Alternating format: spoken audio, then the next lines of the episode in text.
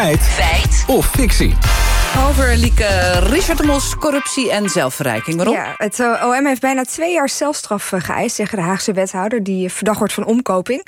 Ondernemers hebben namelijk de partij van de Mos... meer dan 100.000 euro gegeven. Mogelijk in ruil voor invloed en informatie. Maar volgens de Mos-advocaat Peter Plasman... is er helemaal geen sprake van corruptie.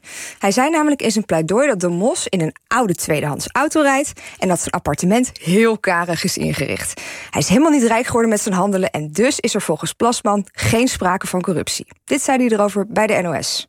Als hij corrupt zou zijn, en dat heb ik net denk ik wel krachtig overgebracht dan is hij, had hij overal had hij even een belletje, even een briefje, joh, wat schuift het? Nou, de Mos is er niet rijk van geworden, zegt Plasman. Er is er geen sprake van corruptie, daar komt het dan op neer. Dan is de vraag, ja, klopt die redenering? dat zijn we gaan checken. We belden eerst met John Bell, directeur van het Pericles Instituut. Hij geeft trainingen aan gemeenten en wethouders, onder meer over integriteit. En hij was niet echt onder de indruk van Plasmans betoog. Ja, in vaktermen noemen we zoiets een drogreden. Want of uh, de mos uh, zelf rijker van uh, is geworden van wat dan, wat dan de beschuldiging ambtelijke omkoping is, ja, dat maakt niet uit. Ja, Bel legt ons uit waarom het niet uitmaakt of de mos hier wel of niet rijk is van geworden. Er is geld overgemaakt door ondernemers naar de politieke vereniging van, van de Mos. Um, en de vraag is of dat is gedaan omdat ze de vereniging graag willen steunen of omdat ze iets bij eh, de MOS als wethouder gedaan uh, wilden krijgen.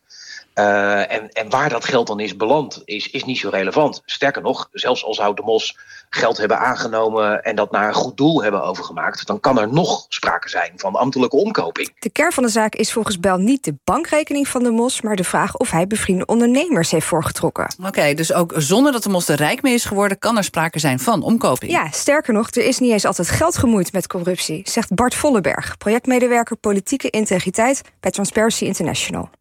Wat betreft Transparency International is corruptie iets breder dan alleen financieel gewin. Corruptie is het misbruik maken van toevertrouwd uh, macht voor persoonlijk gewin. Ja, dat, dat kan van alles zijn. Hè? Dus dat kan uh, het verwerven van status zijn uh, voor jou of je politieke partij. Het verlenen van gunsten en vriendendiensten aan mensen in je omgeving. Um, maar het kan ook een, een carrière stap zijn. Het is breder dan alleen maar financieel. Ja, in geval van de MOS kan het corruptie zijn wanneer hij, dankzij donaties van die bevriende ondernemers, wethouder kan worden.